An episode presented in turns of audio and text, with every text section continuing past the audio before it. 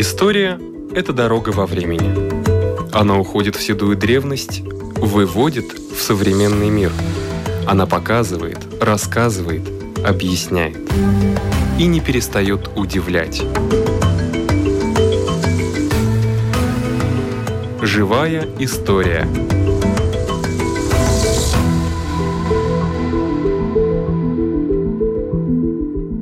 У микрофона Лидия Чера.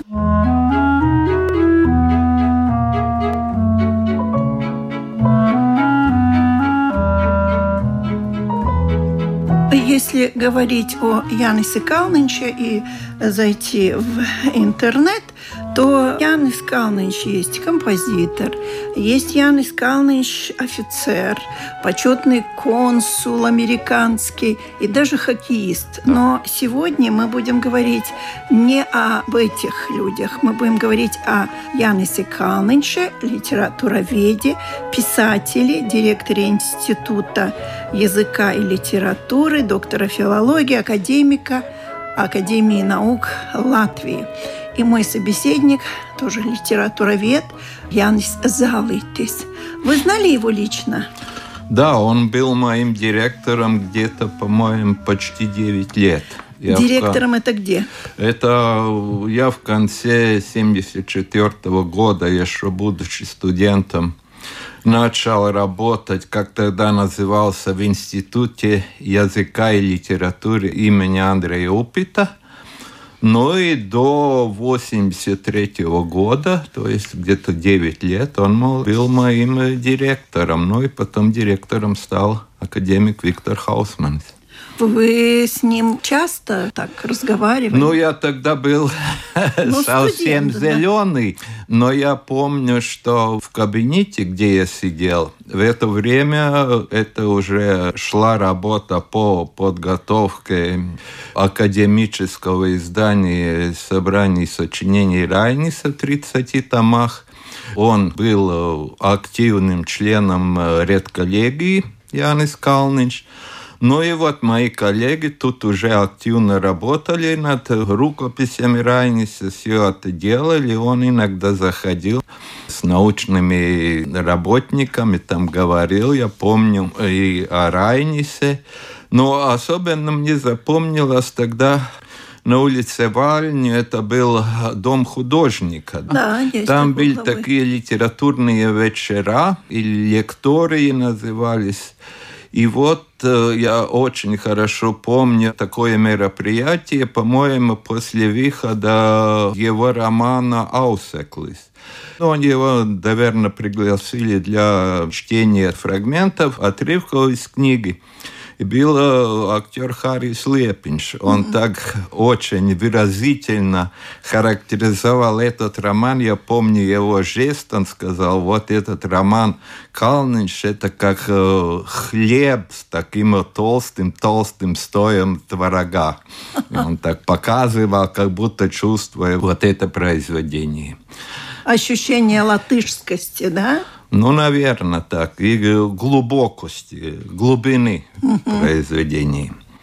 Но еще надо отметить, вы уже сказали, что он литературовед, литературный и особенно театральный критик, академик, ну он еще и автор двух сценариев. Он писал... Киносценариев. Да, да. киносценарий художественных фильмов «Время на земле мером» и «В тени смерти». Известные фильмы, конечно, да. известные. Ну и автор, по-моему, 15 книг. То есть он был писатель, но у него всегда какие-то историческая да. была. Ну вот из этих книг там э, восемь это сборники рассказов, где можно сказать такая главная тема человек и история, личность и власть особенно. Там еще воспоминания детства. И основное, естественно, главное эти вот биографические романы Ауseklis, Пумпурс, Райнис особенно, и уже после этих, по-моему, 91 год вышел биографический роман Кална Кайбени, то есть название использован родной хутор братьев Каудзитес, где вот как раз об этих писателях. Но еще такое довольно существенное произведение, это уже 99 год, по-моему, когда вышла такая небольшая книжка «Райнис. Годный и негодный» где история одной инквизиции, где он рассказывает, как вот шла эта работа, роль цензуры – действительно инквизиции, когда он готовил к печати этот роман, который перед вами. И если вот там в конце посмотреть паспорт, там даже указано, что он дан для печати июля 75 года, а подписан июля 77 года только. Так что а где-то больше... Ой, там очень много что не нравилось. В академической библиотеке, библиотека Миссине, находится много рукописей. Там можно посмотреть, как шла это, можно сказать, борьба, борьба, каждое, да, да. борьба над текстом. Ну, там много моментов. Во-первых, скажем, политическое действие Райниса во время, как тогда говорили, буржуазной Латвии, там министр просвещения, депутат всех саймов. А что, это нельзя было упоминать? То время, когда считалось, ну еще к этому, это роль Аспазии в жизни Ранис. Это тогда до этого, можно сказать, об Аспазии говорили очень много и говорили в основном отрицательном смысле, как будто она тянула Райниса в это буржуазное болото.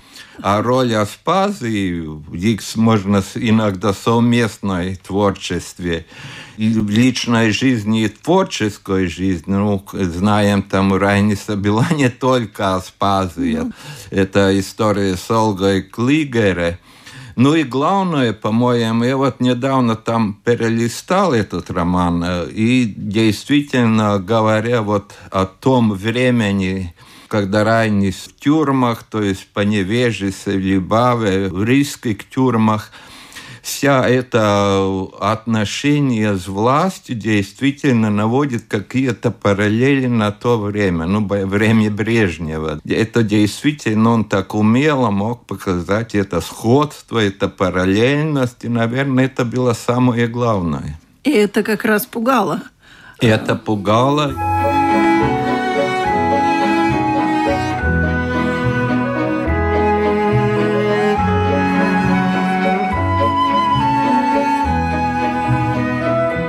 Еще одна такая вещь.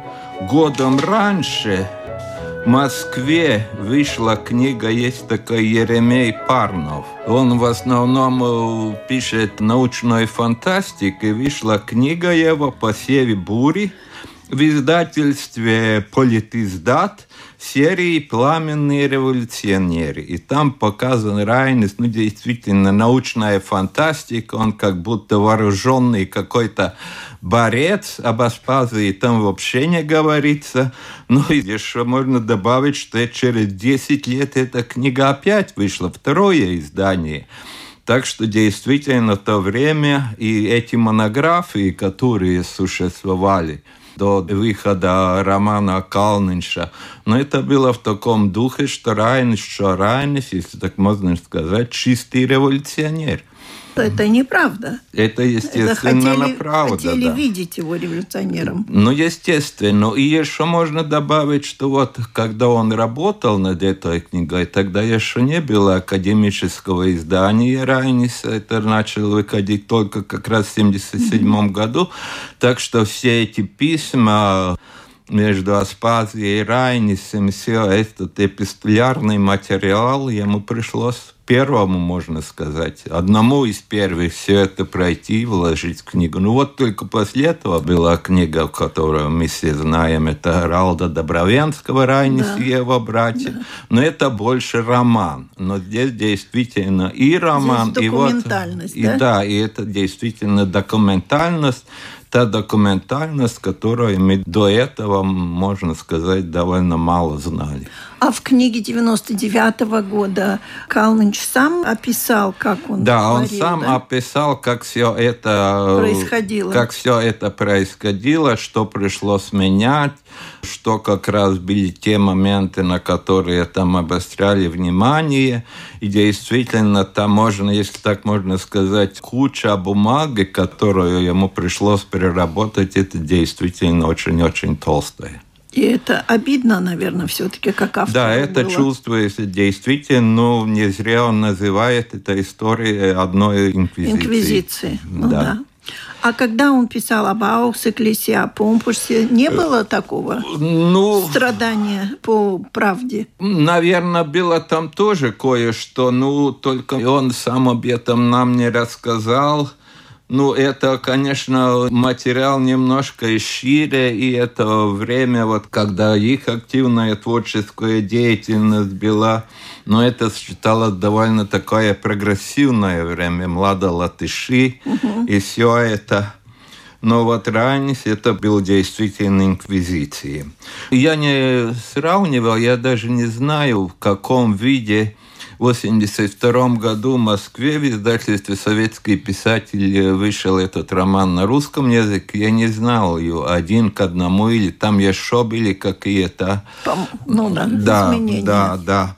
Ну и потом этот роман вышел на литовском языке. Интересно, что целую главу он еще добавил к этому роману. Но он сам добавил. Он сам добавил, да, это глава о гастролях Национального театра в Каунасе. В то время, когда Райнис был директором Национального театра, эти были действительно такие гастроли с большим резонансом. Там играли и Иосиф и его братья, и одну пьесу Аспазы. Райнис тогда вот был директором. Так что это было очень-очень такие тесные латышско-литовские связи, которые немножко оборвались после того, как Райнису пришлось уйти с поста директора Национального театра.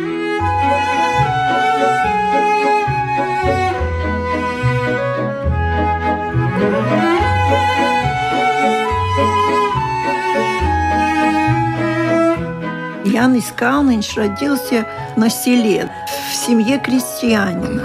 Заканчивал вечернюю школу, потом на заочное поступил. И при всем при том, из семьи, наверное, он единственный, который вот так тянулся куда-то. Ну, наверное, зато дочь его профессорша в гуманитарном факультете Латвийского университета Ева Калнин. Но он тогда самообразованием, э, наверное, в основном. Ну, я еще забыл добавить, что известно, что он особенно увлекался драматургией. Он сам говорит еще о том, вот этот роман Райнис начинается не с самого там с детства поэта, а начинается уже после ареста Райниса, перед отъездом Райниса и Аспазия в Псков. И он говорит, что его как раз в первую очередь начинает интересовать то время, то зрелое время пути писателя, когда он уже взялся за драматургию. И особенно он говорит, что его интересует тот период, когда Райнис написал «Золотой конь», и он особенно в детстве это любил, и что это уже доказательство такого зрелого уровня, зрелого возраста писателя, когда он занимается драматургией. Я не знаю, сколько по количеству, но он оставил несколько пьес, неопубликованных пьес. Еще даже не Да. Да, да, он То говорит, есть его что... наследие богаче, чем мы можем Да, себе представить. да. А он был семейный человек, да? Он был семейный человек, по-моему, у него еще есть сын, не знаю, чем он занимается. И дочь его это профессор гуманитарного факультета. Ну вот филолог до мозга костей, скажем Да. так. Но его фильмы пользовались большой популярностью. Ты, ты в тени смерти. Ну, в тени смерти особенно, времена- ну, время на земле мира, по-моему, немножко меньше. Но это тоже показывает, Там что... и он- драматургия. Да, там, и- там драматургия и как раз вот, наверное, какое-то мастерство его, умение увидеть главную канву в этих произведениях. Так что характеризует это.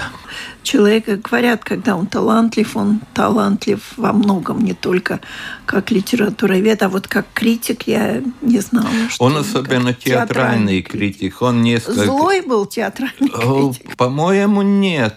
Он в основном смотрел театральный процесс. Он несколько лет подряд дал такой отчет года латышских театрах. И был такой альманах «Театр и жизнь», да, и там несколько лет как раз да, этот обзор всех постановок в театрах. Богатая творческая жизнь и достаточно длинная по тем понятиям и общая жизнь. То есть он прожил 78 лет. Ну, так получается, да, да он умер, ушел из жизни в 2000 да, да. году. И на лесном кладбище похоронен, насколько да. я знаю.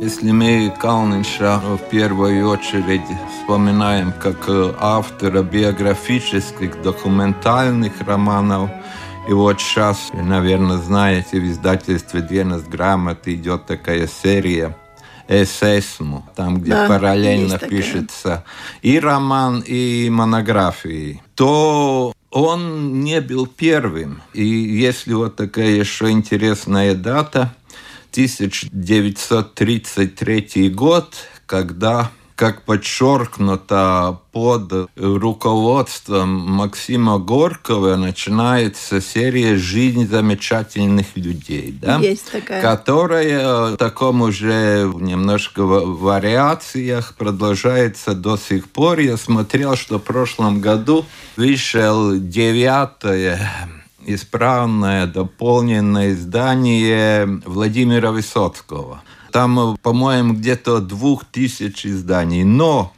в 1933 году латвийский издатель Халма Рудзитис, это его издательство «Грамоту Драукс», и поэтому еще потом фирма «Грампластинах» «Белла Корд Электро», он начинает такую серию биографических романов – романы жизни знаменитых людей. И там выходит э, где-то 40 книг, вот как раз в таком духе. Ну, в основном переводы, но есть и произведения латышских авторов, например, того самого Зенты Маурини романа Достоевском.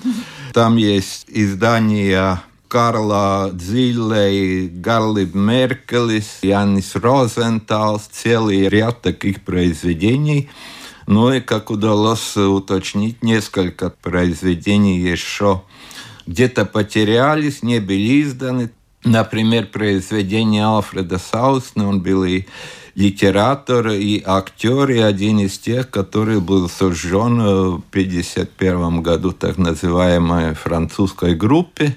И там, наверное, кое-что в это время были там конфискованы или потерялись рукописи. Так что уже какая-то основа была в латышской литературе и до Яниса Калнинша как раз в это время, если мы посмотрим эти все книги, кроме последней, то есть братья Каудитек, все они вошли как раз той серии «Жизнь замечательных людей». Эта серия начиналась в 1966 году и продолжалась где-то до 90-х годов. Вышло, по-моему, где-то 120 романов, такие толстые, вот как это ранее. Да. В то время не издавались такие толстые книги, как сейчас.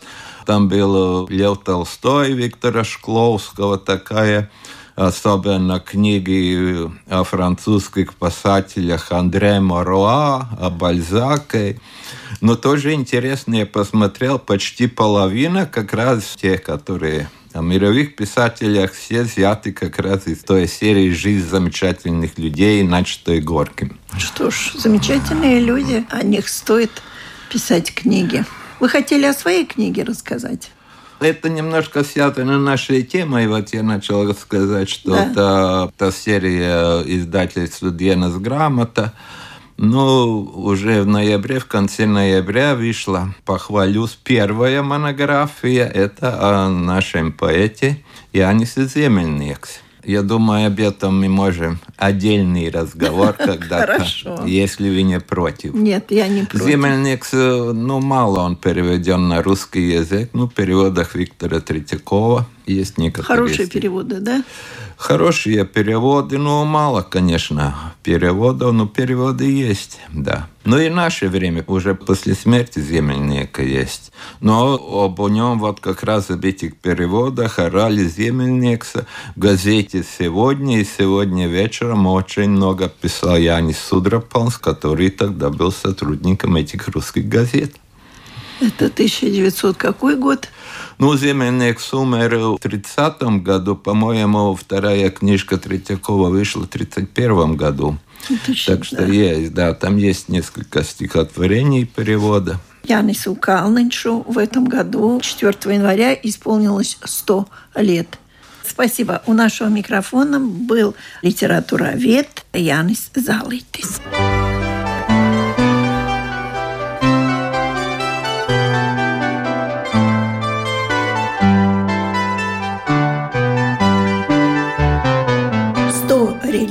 истории Латвии, рассказывает историк Ирина Зейборта. Поговорим о деньгах. Деньги, как известно, есть и вещь, и тема, с которой мы соприкасаемся и можем говорить всегда и в любых случаях. И каждый из нас соприкасается с этой темой, даже не думая о том, что любая банкнота, любая купюра, любая денежная система, валютная система имеет свою историю. И сегодня в истории денежного знака Латвийской Республики лата. Он уже канул. Уже канул, но он все-таки остается символом и значимой вехой в истории Латвии. В 1918 году когда была провозглашена Латвийская республика, одним из самых первых экономических вопросов, конечно, был вопрос о своих деньгах. Потому что деньги, которыми пользовались жители территории Латвии к 1918 году, они были настолько разными, их было настолько много, что, если сказать честно, я никак не могу понять, как люди могли ориентироваться в этой системе, но, наверное, надо сказать, в бессистемных таких обстоятельствах, потому что это больше десяти разных денежных систем, разных валют было в обороте на территории Латвии. Это будем, если мы считать, выйдет что так как Латвия находилась на территории Российской империи, в ходу были царские деньги – это один.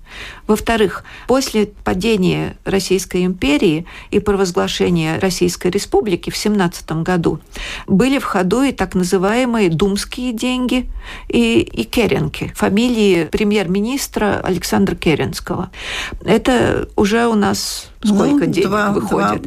Во-вторых, с 1915 года, когда Латвию оккупировали немецкие войска, в ходу была немецкая марка – и еще деньги, так называемые Остмарки, особые деньги, которые печатались, немецкие деньги, которые печатались для обихода в оккупированной бывшей восточной территории Российской империи, то есть на территории Эстонии, Литвы, Латвии, Польши. Так еще, значит, уже Четыре. две системы немецких денег. Да. Уже. Потом, когда уже после течения Первой мировой войны и после окончания Первой мировой войны, чтобы как-то справиться с хозяйственным хаосом, деньги стали печатать и отдельные города. Были свои деньги у города Ялговы, метавские деньги, у города Лепаи, либавские деньги. Были свои деньги у Риги, своя система. Но это еще не все. Когда в 1919 году большую часть э, территории Латвии оккупировала советская Красная Армия, Тогда тут был принят закон правительством Советской Латвии о том, что тут вводится и советская валюта, советский рубль. То есть были деньги Советской России, ну, реже, конечно, и местные угу. деньги Советской Латвии. Но и тут деньги печатали и несколько городов. Уже названная Рига имела свои советские деньги. И, например, такой город, как Цейсис, тоже имел свои собственные советские деньги. Ну и вот при всем этом хаосе можете представить себе, насколько тяжело было человеку смертному разобраться, сколько это стоит, сколько мне заплатили и сколько я могу заплатить за что-то. И поэтому уже в конце 1918 года правительство Латвии приняло официальный курс, по которому предполагалось рассчитываться этими деньгами. Ну, например, в 11 декабря принято постановление о том, что курс будет теперь таковым. Один царский рубль стоил 0,8 ост рублей или 1,25 копеек думских рублей. Своих денег у Латвии не было, Поэтому приходилось пользоваться вот этими чужими деньгами. И было абсолютно ясно, что нужна национальная валюта. И 22 марта 1919 года правительство Латвии, которое находилось еще в Лиепае, когда большая часть территории Латвии еще была оккупирована советскими войсками, дало указание министру финансов выпустить первые денежные знаки Латвийской республики. И пока их название было принято, чтобы ну, и дальше не путать человеку способность разобраться, что и что.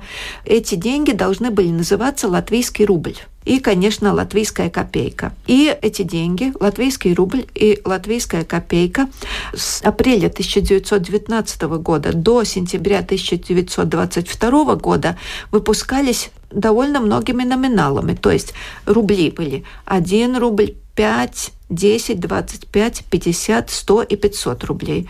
И копейки 5, 10, 25 и 50 копеек. Но, что, по-моему, совсем интересно, копейки были бумажными. Mm. Небольшими такими бумажными кусочками, несколько сантиметров, но это были латвийские копейки и несколько раз курс пересчитывался, латвийские деньги к царскому рублю и так далее, и так далее, как мы уже говорили.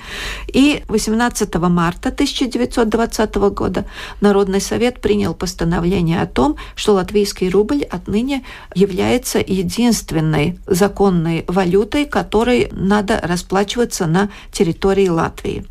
И когда Министерство финансов в 1921 году официально официально приняла курс обмена латвийских рублей на золото, то курс этот был таковым. 50 латвийских рублей были приравнены, приравнены одному золотому франку то есть французской э, валюте. И вот с тех пор латвийская валюта шаг за шагом начинает становиться доминирующей на территории Латвии. Это было не так просто, как я теперь рассказываю, потому что люди, как всегда, к своим сбережениям, а особенно если этих сбережений мало, когда много, я не знаю, как это. А когда мало, люди очень волнуются, очень беспокоятся о том, какой будет судьба их накоплений. Ведь это очень важно, насколько поменяют. Не поменяются ли эти деньги еще раз? Что мы опять потеряем на обмене валют? Ну, большинство нас, слушателей, знают, насколько это бывает сложным, и когда можно потерять и последние сбережения. И поэтому сначала ну, отношение к латвийскому рублю было очень-очень настороженным, его не хотели принимать.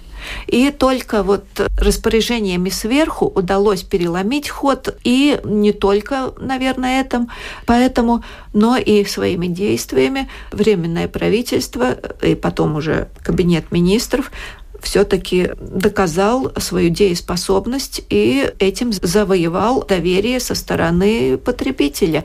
И латвийские рубли стали принимать охотнее и охотнее. 3 августа 1922 года Кабинет министров принял постановление о деньгах, которое получило силу закона, и они, это постановление говорило о том, что в основе денежной системы Латвии будет золото, и э, единица валюты Латвийской Республики, лат, будет содержать, буду теперь читать так, будут содержать 0,2903-226 граммов чистого золота. А обмен рубля, латвийского рубля на латвийский лат был обозначен по соотношению 50 к 1.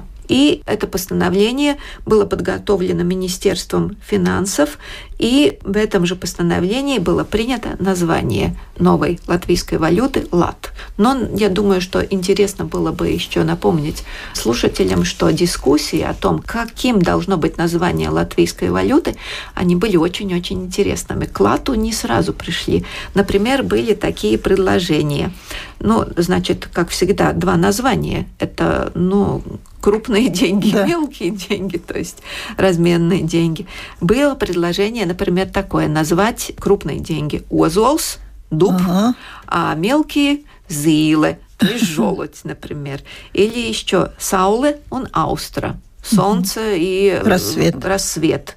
Э, и еще многие другие предложения. Но в конце концов эти предложения не прошли, а остались у названия ЛАЦ, потому что это начало названия страны, страны название государства.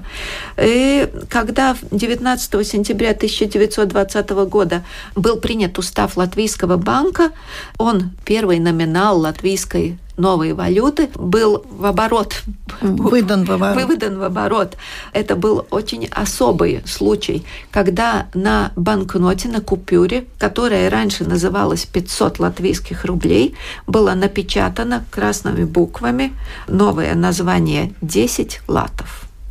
И это были самые первые латвийские латы, и уже потом только наладилось производство латов, которые уже были, ну, ну только латами. Но, наверное, надо напомнить, что, как мы уже упоминали в своих рассказах, что дизайнером этой купюры был известный латышский художник Рихардс Заринч. Спасибо. У микрофона была Ирина Зейберта. На этом наша программа заканчивается. Всего вам доброго.